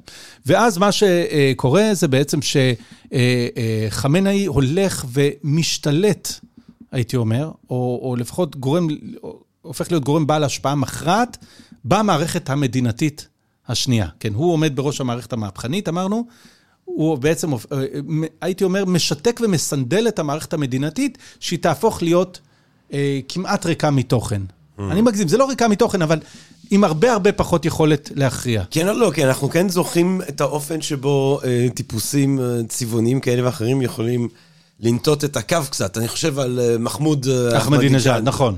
שהוא ככה מנהיג איראני אה, מאוד זכור, הוא השאיר נכון, חותם, נכון, מחמוד. נכון. מחמוד, נכון. אם אתה שומע. כן, אז אה, נכון. מה שלמה? מה שלום מחמוד היום? אה, בסדר, הוא באופוזיציה. הוא באופוזיציה? הוא לא בדיוק אופוזיציה, הוא אני חושב מחוץ לחיים הפוליטיים, למרות שהוא פלירטט קצת עם החיים הפוליטיים אחרי. הייתה רדיפה לא קטנה שלו ושל אנשיו. אחרי, בכלל, הוא זכור לנו כאילו כאיש של חמינאי, אבל בקדנציה השנייה שלו, שחמינאי באמת הלך מאוד רחוק בשבילו, הוא מאוד אכזב אותו. כן, הוא מאוד אכזב אותו. אה, אגב, אנקדוטה שקשורה גם לנושא שדיברנו עליו קודם, אחד הדברים שהוא עושה שמאוד מביכים אה, את החוגים של חמינאי, זה הוא פתאום מחליט שהוא לאומן איראני. מתחיל אה, להתגעגע לסמלים קדם-אסלאמיים. הוא עושה כרס, כנס גדול להשאלה של גליל כורש מהמוזיאון הבריטי, זה יושב mm. בדרך כלל בבריטיש מזיום, מקבלים אותו להשאלה לכמה חודשים. לאיראן הוא עושה כנס גדול, והוא אומר, כורש הוא הבסיג'י הראשון, הוא כאילו איש משמרות המהפכה הראשון mm. שהיה לנו. אנשים שהיו מהחוגים שלו אומרים, מה, כן, מה, מה, כן. חומני מתהפך בקבר, אתה אה, פה מטפח אה, דמות של מלך אה, פגאני, כן? מחמוד גם עם הז'קטים האלה שלו. כן, כן, כן, כן, כן, לא, הוא בהחלט היה טיפוס, הוא היה טיפוס מעניין, כי מצד אחד הוא סופר שמרן, כן. הוא כביכול אמור להיות מאוד שמרן, מצד שני, הוא היה מבלבל. הוא לדוגמה מינה יותר שרות ממה שהיה לפני כן. מעניין. נשים. אה, כן, זאת אומרת, הוא לא, הוא לא אדם אה, הכי צפוי, הייתי אומר. איפה אנחנו נמצאים היום בעצם? אז אני אומר, מבחינת האופק, או המצב בשנים האחרונות, ואז נגיע לאופק, אה, הייתי אומר, המערכת של חמינאי די הצליחה אה, לשתק את, ה, אה, את המערכת המדינתית, במובן הזה שהמערכת המדינתית הדמוקרטית, או ה, ה, נגיד הנבחרת, יש לה השפעה מאוד קטנה. עכשיו, חמינאי, כדי להבטיח את המקום שלו, גם, אה, הייתי אומר, דוחף באופן אגרסיבי מועמדים שנוחים לו לנשיאות. כבר הוא אפילו לא מסתיר את זה. זאת אומרת, ראיסי זה ממש בשר מבשרו, זה איש שלו, כן? כי צריך להבין, הוא, הוא נכווה קצת עם אה, אחמדינג'אד. אחמדינג'אד בא מחוץ לחוגים של חמינאי, אה, אבל היה מאוד דתי אדוק, כן? אז חמינאי חשב שאפשר לסמוך עליו, ואז התאכזב מאוד. כן, ממש הביך אותו גם כמה פעמים במעמדים ציבוריים. אה, הוא הבטיח לעצמו, אני חושב שזה לא יקרה, ולכן אה, הוא בעצם אה, דואג שיהיה נשיא, נשיא יותר קרוב לזה שלו, ולכן האפשרות, הייתי אומר, שאיראן תשתנה מצד המערכת הנבחרת כשלעצמה, הוא מאוד מאוד קטן. עכשיו, מה יקרה אחרי חמינאי, אנחנו לא יודעים. כי בסופו של דבר, חמינאי לא יאפשר למישהו ש...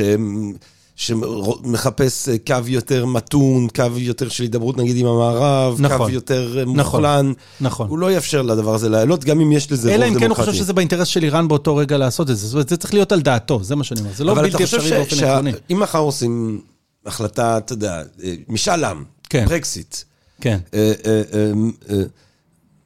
אייתולקסיט, כן. מחליטים האם אתה נותן לאיראנים לבחור האם אנחנו ממשיכים לשמר את הרפובליקה האיראנית ואת משטר האייתולות, או האם אנחנו עוברים אה, למשהו חדש, למשהו אחר, לרפובליקה האיראנית, נקודה. אתה חושב שיש רוב היום לאייתולות בקרב העם? לא, אני די בטוח שלא. אין לי דרך להוכיח את זה, אבל לא, אני די בטוח שלא. אבל זה כמובן שאלה תיאורטית לגמרי. אבל זאת אומרת שאם מתישהו, כי אנחנו כן רואים פה ושם פתאום מחאות מחאות, סטודנטים, כן. יודע, מחאות אנחנו נמשיך לראות. ומחאות יכולות לצמוח פתאום. ואתה יודע, יש, בוא נגיד, שחקנים שכן מאוד יעודדו את המחאות האלה, וכן מאוד ישמחו לראות את הקריסה של משטר האייתולות. כן, אם כי הם עד היום לא, לפחות באופן מוצהר, לא עודדו את זה ולא לוקחים חלק בזה. זאת אומרת... באופן אה, מוצהר, אני מניח שיש מעורבות... אני, מאחורי אני בספק. הקלעים כמה אני, שהם אני יכולים, לא יודע, לא של אני לא יודע. אני לא, לא רואה את זה קורה. זאת אומרת, צריך להבין גם, אחת הבעיות, אם אתה רוצה ניכנס לזה קצת יותר, של אה, תנועות המחאה באיראן בכלל. לא רק החיג'אב האחרונה, אלא איראן כבר ב, לפחות שלוש-ארבע שנים בגלי מחאות שונים. אה, זה שהמחאות באות מכיוונים מאוד שונים, עם קבוצות שלא מצליחות להתלכד סביב אה, מנהיג מסוים, שוב, מה שקרה במהפכה האסלאמית, ואפילו סביב רעיון מסוים. זאת אומרת, יש לך לדוגמה הרבה מחאות של עובדים. אגב, לא שומעים על זה כמעט במערב, כי זה לא מעניין, אבל... אה, או את המערב, אבל אה, עובדים שמוחים על נושאים משעממים כמו הביטוח חיים שלהם והפנסיה שלהם והתנאי ההעסקה שלהם. אה, העובדים האלה הם בחלקם אנשים די שמרנים. הם לא בהכרח מטריד אותם אם בנות כן צריכות או לא צריכות לעטות חיג'אב ואיפה, כן? יש אה, סטודנטים, באמת, שהם, נגיד, עניין החירויות יותר מטריד אותם, אבל גם מטריד אותם לא פחות, העניין של אה, אופק, אופק התעסוקה שלהם, כן? זאת אומרת, זה לא מצליח להתחבר למשהו גדול ואין הנהגה, ובזה הרפובליקה האסלאמית היא מאוד מתוחכמת. היא הצליחה לשבור כל הנהגה אפשרית של דבר כזה. האתגר הכי גדול שלה היה ב-2009, הקדנציה השנייה של אחמדינג'אד, אנחנו זוכרים את זה, הג'ונבש א-סאב, זה החזית הירוקה. הם פשוט הכניסו למעצר בית את שני המנהיגים של זה, את אה, קרובי ומוסבי,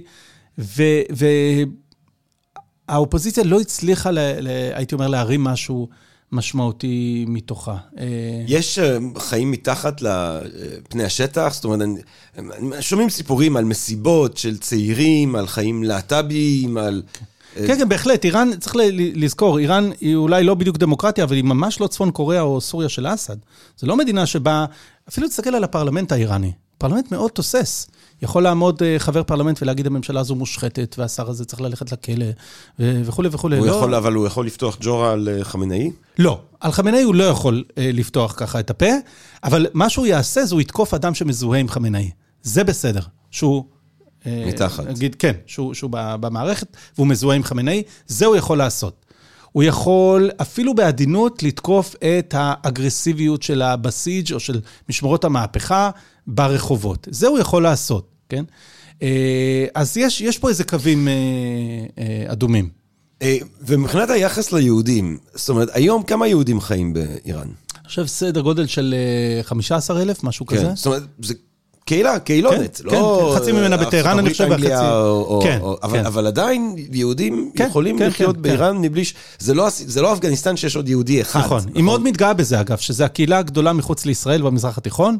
כן. נכניס את איראן למזרח התיכון לצורך העניין, והיא, אה, אה, כן, ויהודים חיים בה. והיהודים שם יכולים, אולי זה קשה, אבל הם יכולים להגיע לארץ אם הם מאוד רוצים. לא, לא באופן, בואי נגיד, אה, לא באופן לגיטימי ולא באופן מוצהר. אבל זה לא בלתי אפשרי, זאת אומרת, דרך טורקיה, דרך טכנית הם. יכולים, הבעיה אה, עלולה להיות להם כשהם יחזרו. לא. ואני אומר, לעלות ולא לחזור. אה, לעזוב את איראן הם יכולים, כן. כן. עקרונית הם יכולים, אבל אה, יש לזה מחירים, כי הם משאירים אנשים מאחורה, הם משאירים רכוש מאחורה, הם לא יכולים אה, לקפל הכל ולבוא. אבל, אבל מה שאני אומר זה שהם לא לגמרי בני ערובה, 15 לא, אלף איש. לא. לא, הם לא, חיים לא, שם. כן, הם יכולים לעזוב באופן עקרוני. ו- ולא מטרידים אותם ברחובות, ולא תוקפים את החנויות שלהם, ועכשיו כשיש, כשיש את המלחמה מול עזה, אז הם לא... אני מניח שהם עוד יותר נזהרים בתקופה כזאת, כן. של אה, מתיחות, הם גם מאוד אה, נזהרים להצהיר נאמנות לרפובליקה האסלאמית ולגנות את, ה, את המדינה הציונית אם הם נדרשים לעשות את זה. אה, אבל בסך הכל, תראה, הם לא יהיו בעמדות אה, מפתח או באזורים רגישים של שירות המדינה נגיד, כן? אבל בסך הכל הם יכולים לחיות את חייהם, מפני שהרפובליקה האסלאמית כן עושה הבחנה אגב, בניגוד נגיד לחמאס, בין יהודים לבין ציונים. יש יהודים, זו קהילה דתית, כל עוד אין לה שאיפות פוליטיות, קולקטיביות, זה בסדר. עכשיו, אנחנו מכירים, שומעים, יודעים על איראן באמת בעיקר, אה, בנסיבות טבעיות, אה, בעיקר מהמעורבות שלה, כן? מדברים על הגרורות, כן? מדברים על איראן כסוג של סחטן עם גרורות, חזבאללה, חמאס, חות'ים, בעצם כל מי שיורה עלינו כרגע, מיליציות בסוריה. מה המשחק כאן? מה האינטרס הגיאופוליטי שאיראן מנסה לקדם בתמיכה שלה, המאוד יקרה, כן? כי זו לא כן. מדינה שיכולה להרשות לעצמה לבזבז הרבה כסף. אתה אומר, יש מחאות של עובדים, יש בעיות כלכליות גדולות, יש חרמות אה, בינלאומיים, הם לא אה, נמצאים איפה שהם היו רוצים להיות מבחינה כלכלית, ועדיין הם מוציאים הון תועפות. על החות'ים, על חזבאללה, מיליציות בסוריה, על חמאס. מה, מה, מה הרעיון? האם זה אידיאולוגי להשמיד את הישות הציונית ולשחרר את אל-אקצא? האם יש איזשהו משחק אחר? האם זה גם וגם? מה קורה כאן?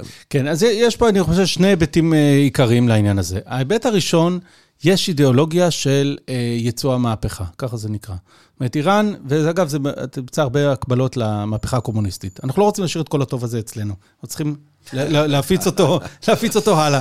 כן. אצלנו הייתה הצלחה כזו גדולה, אין סיבה שזה יישאר רק אצלנו. אנחנו רוצים שזה יצא הלאה והלאה, ובאמת מתוך תפיסה, תקרא לזה משיחית מסוימת, של אנחנו רוצים אה, אה, באמת להיות אור לגויים, לעולם, אנחנו צריכים להפיץ, להיות ה, בעצם הראשונה בשרשרת של אה, מהפכות כאלה.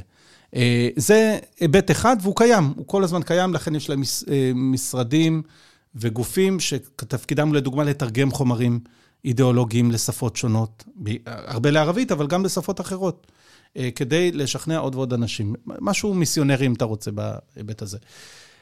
חוץ מזה, יש היבטים אחרים, יש היבט של ביטחון לאומי. איראן רואה, רואה את עצמה כמדינה די מבודדת באזור, אה, ולכן היא צריכה ליצור לעצמה איזושהי חגורת ביטחון, חגורת אבטחה, כן?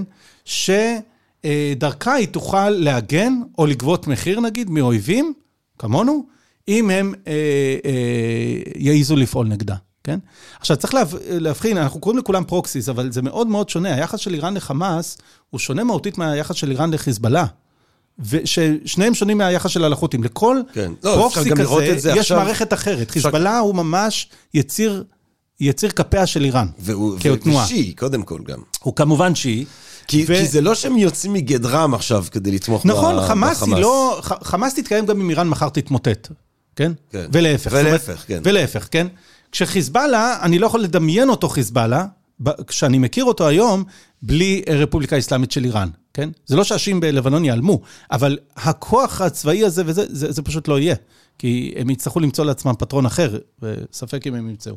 אז יש, יש פה מערכות יחסים שנגיד עם חמאס זה יותר עניין אה, של כדאיות, של אויב משותף, אסלאם באופן כללי, לא מעבר לזה. החות'ים בתימן זה אה, גם אינטרסים, זה דרך, לדוגמה, להציק לערב הסעודית, בשביל זה זה נוצר מבחינת איראן, להציק לערב הסעודית אה, אה, בלי, שזה לא יהיה על אדמת איראן. בכלל, איראן אוהבת לנהל את המלחמות שלה על אדמות של אנשים אחרים, לא אצלה כן, בבית. כן. אה, וחיזבאללה, כמו שאמרתי, זה כבר משהו הרבה יותר מהותי. זה קשר שיש לו גם, אגב, היסטוריה הרבה יותר ארוכה. אה, עם חמאס זה בסך הכל סיפור של כמה עשרות שנים. 20 שנה, אולי קצת יותר, עם אה, אה, חיזבאללה זה בעצם קשר שקיים מבחינת איראן 400 שנה. כן, לא שחיזבאללה קיים 400 שנה, אבל הקשר בין איראן לבין אנשי הדת השיעים בלבנון, יש לו היסטוריה הרבה יותר ארוכה. מנחם, דוקטור מרחבי, שאלת ה... מה זה מיליון דולר? שאלת ה... שאין לה מחיר, אז כאילו, יאללה, אני זורק לך אותה, אתה יודע. זו שאלה אולי שהיא קצת לא פיירית, אבל אנחנו אה, היינו עדים ב-7 לאוקטובר, לשבת הארורה הזאת, להתקפה שהיא על גבול של uh, התקפה, uh, יכול להיות שהיא פיגוע התאבדות ארגוני באיזושהי צורה. זאת אומרת, סינואר נדמה לי הוא אסטרטג לא קטן, כן? אני לא אומר את זה ב- ב- ב- לחיוב, מבחינה מוסרית או מבחינה אנושית, אבל היה לנו אויבים הרבה יותר טיפשים uh, מהאיש הזה והרבה פחות מסוגלים להוציא לפועל את מה שהוא עשה ולהצליח לנהל את המערכה הזאת הלא סימטרית.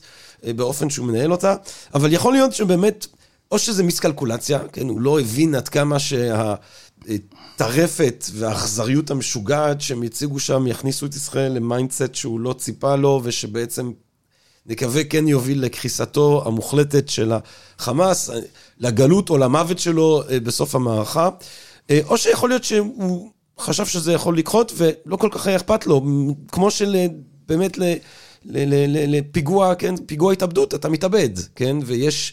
ערכים שלנו לפעמים קשה להבין אותם, שבן אדם באמת מקדש את המוות המכתירי הזה שלו, כן? ואז, הוא, ואז אנחנו תופסים את זה כלא רציונלי באיזושהי צורה, שאולי זה ביטוי ל, לא, תואם את הערכים שאנחנו מכירים. האם האיראנים, מתוך הבנה שלישראל יש אה, את האפשרות להגיב, אה, כנראה אטומית, כן? אחר כך, איך תדע אם זה... תחשוב איזה פדיחה אם הם שולחים פה פצצת אטום ואנחנו שולחים חזרה ושלנו לא, לא, לא עובדת, אבל מתוך הבנה שיהיה הרס, אה, עלול להיות הרס מטורף על איראן עצמה וכולי וכולי וכולי. האם איראן היא סוח... איך אתה מעריך את הסכנה הזאת, הבאמת מאוד מאיימת של איראן גרעינית? האם, האם יש מצב שהם יעשו פיגוע התאבדותי לאומי כדי להוריד את ישראל ולקבל אה, תהילה היסטורית בעולם המוסלמי? אה, טוב, זה באמת קשה, אבל אני אנסה. לא, אני לא חושב שהם יתאבדו על, על השמדת ישראל. אה, אבל זה לא, אני לא בטוח שזה סיכון שמדינה יכולה לקחת. אני יכול לקחת את זה פה עם מיקרופון. מדינה אולי לא יכולה לקחת סיכון. כן. שזה...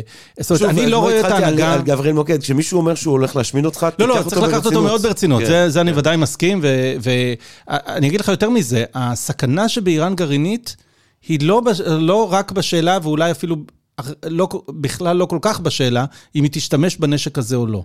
נשק גרעיני הוא נשק שה... אה, הכוח שלו הוא בעצם הידיעה שיש אותו, כן? הוא נותן לישראל כוח מסוים, על פי פרסומים זרים, ואם לאיראן תהיה יכולת גרעינית אה, ממשית, עם פצצה מוכנה, הנזק, הסכנה שזה מהווה לאזור ולישראל, היא אה, נפרדת מהשאלה אם היא הולכת להשתמש בנשק הזה מחר. לדוגמה, ייתן לחיזבאללה ביטחון עצמי שאנחנו לא מכירים עדיין. היא עלולה לתת, גם לחמאס אגב, אם היא תשרוד את הסבב הזה בעזה, אה, לחמאס עזה, היא עלולה לתת ביטחון עצמי שאנחנו לא מכירים, אפילו, אפילו אחרי 7 באוקטובר. יש, יכול להיות יותר גרוע מזה. אתה אז... חושב ש, ש, שבדיעבד, ה... כאילו, כרסום של ההסכם, המאבק הזה שנתניהו נורא התגאה בו בזמנו, אה, להפסיק את ההסכם שהמדינות המערב הגיעו איתם עם איראן, שהוביל למצב שבעצם עכשיו היא הרבה יותר קרובה לפצצת אטום מאשר היא הייתה אז. אתה חושב שזאת הייתה טעות? כן, חד משמעית. אה, אני חושב שישראל עשתה כמה וכמה טעויות במאבק בגרעין האיראני, ולא ברמה האופרטיבית, אני לא מדבר על, ה, על הדברים האלה, דווקא בדברים שגלויים לעין, ישראל עשתה טעויות ברמה הדיפלומטית, כאילו, היה עדיף להישאר עם ההסכם על מגרעותיו, מאשר למצב שבו אין הסכם והם... כן, אני חושב שכן, בהחלט. זה לא, שוב, לאף אחד אין פתרון קסם, חוץ מבאמת אולי איזו התקפה ארמגדונית כזו על איראן, אה, אבל בהנחה שלא על זה מדובר, אז כל דבר שדוחה את המוטיבציה שלהם לפתח, עם יכולת פיקוח משמעותית, אה, כן, הוא עדיף על המצב הקיים. בוא נדבר רגע על, אתה יודע, זו תקופה, אני מניח, אה, מתואמת, אה, או, או תקופה שאפשר לדבר בה על התקפה ארמגדונית או ארמגדניות כאלה. תראה, אנחנו במצב גם של איזושהי פגיעה בהיבריס הצבאי שלנו, ש... כמובן שאף אחד לא יכול למצוא שום דבר טוב ומנחם באסון ההומניטרי הנורא שקורה כאן כרגע, והסבל המזעזע של המשפחות ושאנחנו עוברים, אבל זה גם נותן לנו איזושהי, וזה לא אבל, אה, יחד עם זה, זה נותן לנו גם איזשהו אולי מבט בנוגע לעד כמה מלחמה זה דבר מזעזע, עד כמה זה דבר קשה, ועד כמה שישראל, עם כל הכבוד לגבורה האדירה של אה, והגיבורים שלנו, לטכנולוגיה המדהימה, לחוכמה הגדולה, לגאונות שיש לכל מיני מרכיבים אה, מודיעיניים, אה, טכנולוגיים. אנחנו מאוד מאוד מאוד תלויים אה, באמריקאים כשאנחנו מדברים על מלחמה אזורית, וגם מלחמה מול ארגון שהוא יחסית לאיראן קיקיוני, כמו חמאס, זה דבר לא קל. חזבאללה בכלל זה נראה לנו עכשיו סיפור mm-hmm. רציני הרבה יותר אולי ממה שהיינו אוהבים לחשוב.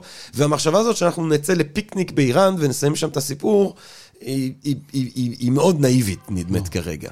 האם אתה חושב שבכלל יש לישראל אפשרות, אה, או, או אינטרס כלשהו להיכנס למערכה ישירה, בוטה, ארמגדונית, כמו שאמרת מול איראן? אה, לבד לא. אה, זה חייב להיות משהו עם, אה, אני חושב לפחות עם ארצות הברית, אם לא יותר אפילו שות, שותפות בעניין הזה.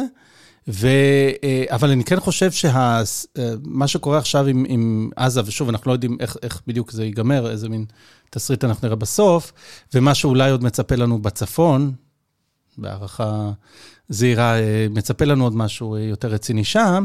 אני חושב ש... אני כן, כן חושב שצריך להיות קצת יותר אגרסיביים עם איראן. זאת אומרת, כי צריך להבין, אחד הדברים שנותנים לאיראן את הביטחון הזה, זה שהיא יודעת שהמלחמות האלה לא מתנהלות על שטחה. אמנם קרו דברים על שטחה, אבל... אה, חיסולים. לא, כן, היו, לפי פרסומים זרים, היו כן. חיסולים, היו אה, לא, כל, היו, מיני, לפי... כל מיני פיצוצים של היו, אה, דברים, היו, כן. זאת אומרת, החיסולים, לא, אני לא אומר שלנו, שהאמריקאים... כן, כן, כן, מישהו, מישהו, כן, מישהו התנקש שם כן. באנשים כנראה. אז אני אומר, יכול להיות שזה הנבחרת כדורגל הלאומית, יכול להיות. אנשים מתפוצצים שם כן, בתפקידים כן, כן, יש להם נטייה למות מוות לא טבעי בתפקידים מסוימים. אני חושב שכן צריך לגבות מאיראן מחיר גבוה יותר. אה, וזה צריך לקרות על האדמה שלה, לפחות באופן סימבולי, אה, כדי לגבות מחיר על, ההרפתקאות שהיא אה, גובה מאיתנו, כי אצלנו אנחנו משלמים על זה ב... ב כן, באנשים שלנו. אבל אתה יודע, לנו אין פרוקסי, זאת אומרת, לנו אין איזה... קודם כל, יש, יש פרוקסים פוטנציאליים, כן. כן? יש אוכלוסיות לא קטנות ממורמרות באיראן. אז כן, זה, זה כיוון שזה בהחלט צריך לחשוב עליו. יש לאיראן שכנים, שחלקם חוששים ממנה מאוד, ויש להם סיבות לא כל כך לאהוב אותה. אה, גם בעיראק יש גורמים, אפילו בתוך השיעה בעיראק, יש גורמים שהם לא כל כך אוהדים את איראן בלשון mm. המעטה. אה, אזרבייג'אן שלצפונה, כן? רק אה, שתי דוגמאות פשוטות. אפשר למצוא עוד, אפשר למצוא עוד, אה, גם חלק מהאנשים שחתמו איתנו הסכמי אברהם, הרי הם עשו את זה בין השאר מחשש מאוד גדול מאיראן. כן. זאת אומרת, יש לה שכנים שלא לא, אה, לא מרוצים מההתנהגות שלה, ואנחנו צריכים לנסות למנף את זה. אה, כי אני חושב שכל עוד לא נגבה מאיראן מחיר על האדמה שלה, היא עלולה לקבל ביטחון עצמי גדול מדי, כמו שאני חושב שכבר יש לה עכשיו. ו... אולי כדאי להתחיל מביקור בית אצל החות'ים, כאילו, אתה יודע, מה זה, יורים כן, עלינו כן, וזהו. כן, אם כי זה לא יכאב לאיראנים, שוב, זה כמו חמאס קצת, כן. זה פרוקסי, זה לא יותר מזה. זה הביטוי הזה שאתה שומע, הם יילחמו עד ה... עד הערבי האחרון, כן, כן, כן, כמו שאמרו על הבריטים, הם יילחמו עד האוסטרלי האחרון. כן. אז, או ניו זילנדי האחרון. אז כן, יש בהחלט, צריך לגבות מחיר שהוא מעביר מסר מאוד ברור לאיראן עצמה. ואולי בנקודת זווית יותר אופטימית, מה, מה הסיכוי לאיזשהו סוג של עתיד שונה? אה, סך הכל באמת, האומה הפרסית הזאת, שאתה יודע, מלווה אותנו עוד אה, מזמן אה, עזרא ונחמיה, שמלווה אותנו עוד מהתקופה המקראית, מה זה מלווה? הנוכחות ממשית בתקופה המקראית.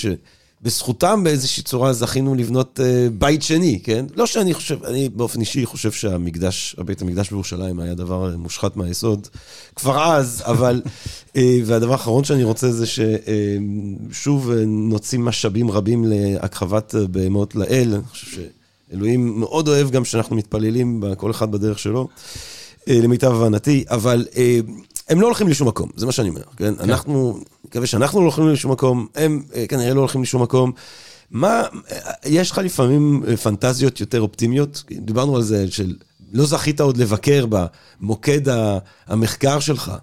אתה חושב שאולי יבוא יום ואתה תוכל לבוא כישראלי עם דחקון ישראלי, לבקר באיראן? באופן ו... תיאורטי כן, זה בהחלט אפשרי. ככה לנצל את כל הידע שלך בשפה כדי אשכרה להזמין אוכל במסעדה ולהסתובב כן. בבזאר? אה, אני מקווה שכן, זאת אומרת, צריך לזכור, בניגוד אה, לדוגמה פלסטינאים בעזה, כן? שאיתם, גם עם חמאס או בלי חמאס, זאת אומרת, זה עניין הרבה יותר אישי שם. כאילו, מבחינתם לקחנו להם את האדמה שלהם, הרגנו להם אנשים שלהם, יש להם חשבון אישי איתנו. כל אחד ואחד בעצם בצורה כזאת או אחרת יש לו חשבון אישי איתנו. זה לא משהו שהנהגת חמאס אה, כאן או, או שם ת, תשנה. אה, עם איראן זה שונה, לרוב האיראנים אין שום חשבון אישי, לא איתך ולא איתי ולא עם אף אחד. זה באמת עניין יותר של שלטון, חוגי השלטון. אה, אולי עוד קצת אנשים שמאמינים באידיאולוגיה מעבר לזה, אבל בסך הכל צריך להבין שלרוב האיראנים, אנחנו לא אישו. אנחנו לא לקחנו להם שום דבר, הם לא שואפים אה, לקחת את הארץ הזו. זה סיפור אחר לגמרי. ולכן, שוב, אני לא רואה בטווח הזמן הנראה לעין משהו משתנה, כי אני לא רואה את השלטון באיראן משתנה. אני לא רואה סיבה. הוא מאוד יציב בסך הכל.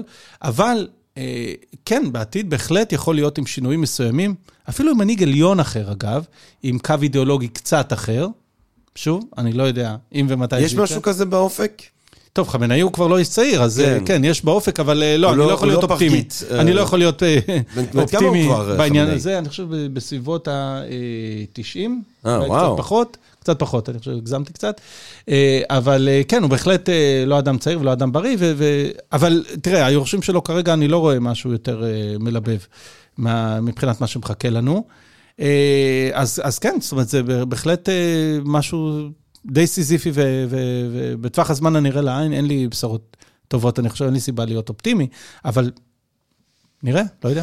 גם, אתה יודע, זה גם, לא, לא, דיברנו בעיקר גם על, על הצד הפוליטי, אבל זה, זה מקום עם תרבות, אה, עם, עם קולנוע אה, מרהיב, וספרות, ויש אה, הרבה דברים ש, ש, שאנחנו יכולים... ליהנות מהתוצרים של התרבות נכון, שוב, זה, זה מראה, הזאת גם עכשיו. גם אם אתה תראה קולנוע איראני, אתה תראה שישראל היא לא, היא לא שם, כן. היא, לא, היא לא אישו, זאת אומרת, שוב, זה מאוד שונה. תראה, ההפגנות האלה, מה... אנחנו, כאילו, אנחנו כל הזמן רואים את ההפגנות עם הדגלים וסוחבים את הדגלים וזה, אבל אתה אומר הם, אצלם זה יותר שולי מאיך שזה כן, נראה לנו. כן, הרבה יותר, בוודאי, זה הרבה יותר שולי ממה, כן. ש, ממה שנראה לנו. שוב, באידיאולוגיה של המשטר זה, זה, יש לזה מקום חשוב, אני כן. לא אומר שלא, אבל ב, בחיים, גם בחיי התרבות של האיראני הממוצע, נגיד, אם אני יכול להשתמש בביטוי הזה, לא, בהחלט ישראל היא לא נושא מרכזי. טוב, אז אולי נבקר בטהרן אה, יום אחד. אולי אפילו נעשה פודקאסט מפרספוליס עצמה, זה חלום. כן. כן.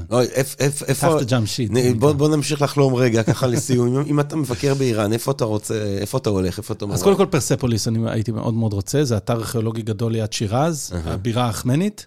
אה, פס ארגד, קרוב לשם, זה הקבר של כורש. אה, יש את אה, ביסוטון או בייסטון, זה אזור כזה שיש בו אה, תבליטים תלויים על סלע, משהו כנראה מדהים. וכן, גם בטהרן, גם באספהאן, בכיכר הגדולה. כן. כן. נקשה ג'האן זה נקרא, יש שם כיכר מאוד מאוד גדולה עם כמה מסגדים מאוד יפים. אני רוצה ללכת איפה שחפז וכל המשוררים הסופים, איפה ש... אז כן, חפז זה בטוס, יש את סעדי. אה, חיים, כן, אה, אה, כן, יש... אומרים שגם, אני הבנתי מאנשים שביקרו שם בשנות ה-70 שהם מייצרים חשיש מאוד משובח. יכול להיות, לא ניסיתי, לא, אבל... חשיש איראני. בהחלט. נעשן חשיש איראני בחפז, לא בחפז, איפה הוא חי? בטוס. בטוס. ויש גם את הקבר של מרדכי היהודי, לא? יש כן, איזה... כן, כן, כן. יש גם קבר דניאל, אגב. קבר דניאל. כן, מרדכי זה בהמדן, מרדכי ואסתר. יש את uh, קבר דניאל. וזה כן. מקומות שיש להם משמעות מקומית גם. אה. כן, כן, בהחלט. מרדכי ואסתר זה קבר שעולים אליו לרגל, גם דניאל, עוד יותר אני חושב אפילו. מי, מי עולה לרגל במרדכי ואסתר? כי בסוף... מאמינים, מקומיים שמאמינים שזה מקום חשוב. כן. כן? מוסלמים? כן, כן, כן. כי הרי בסוף... אה, מרדכי ואסתר, אני מניח שזה יותר יהודים. דניאל, כן. אני יודע שזה לאו דווקא יהודים. כי דניאל הוא יכול להיות נביא כן, לכולם. כן, כן, כן. אבל מרדכי ואסתר בסוף כן גרמו לסוג של הרג המוני. כאילו. אה, נכון, נכון, אבל תזכור, זה הרג המוני של פגאנים. כן. שוב, אם אתה, אם אתה נצמד לעניין האסלאמי... טוב, זה תמיד המתח הזה, כן. היהודים זה עדיף, אם יש לך פגאנים מול. אז מעניין. כן. מעניין. טוב, אולי יבוא יום, אתה תדריך, זהו, אני מצאתי מדריך תיירים, אם יצא לנו מתישהו לבקר שם. נקווה שנבקר שם במצב של שלום, ושהם לא יבקרו אצלנו במצב של מלחמה. נכון, כן. כן. זה יהיה פחות סימפטי. אה, דוקטור מנחם מרחבי, אני רוצה ממש להודות לך, מרתק, ממש.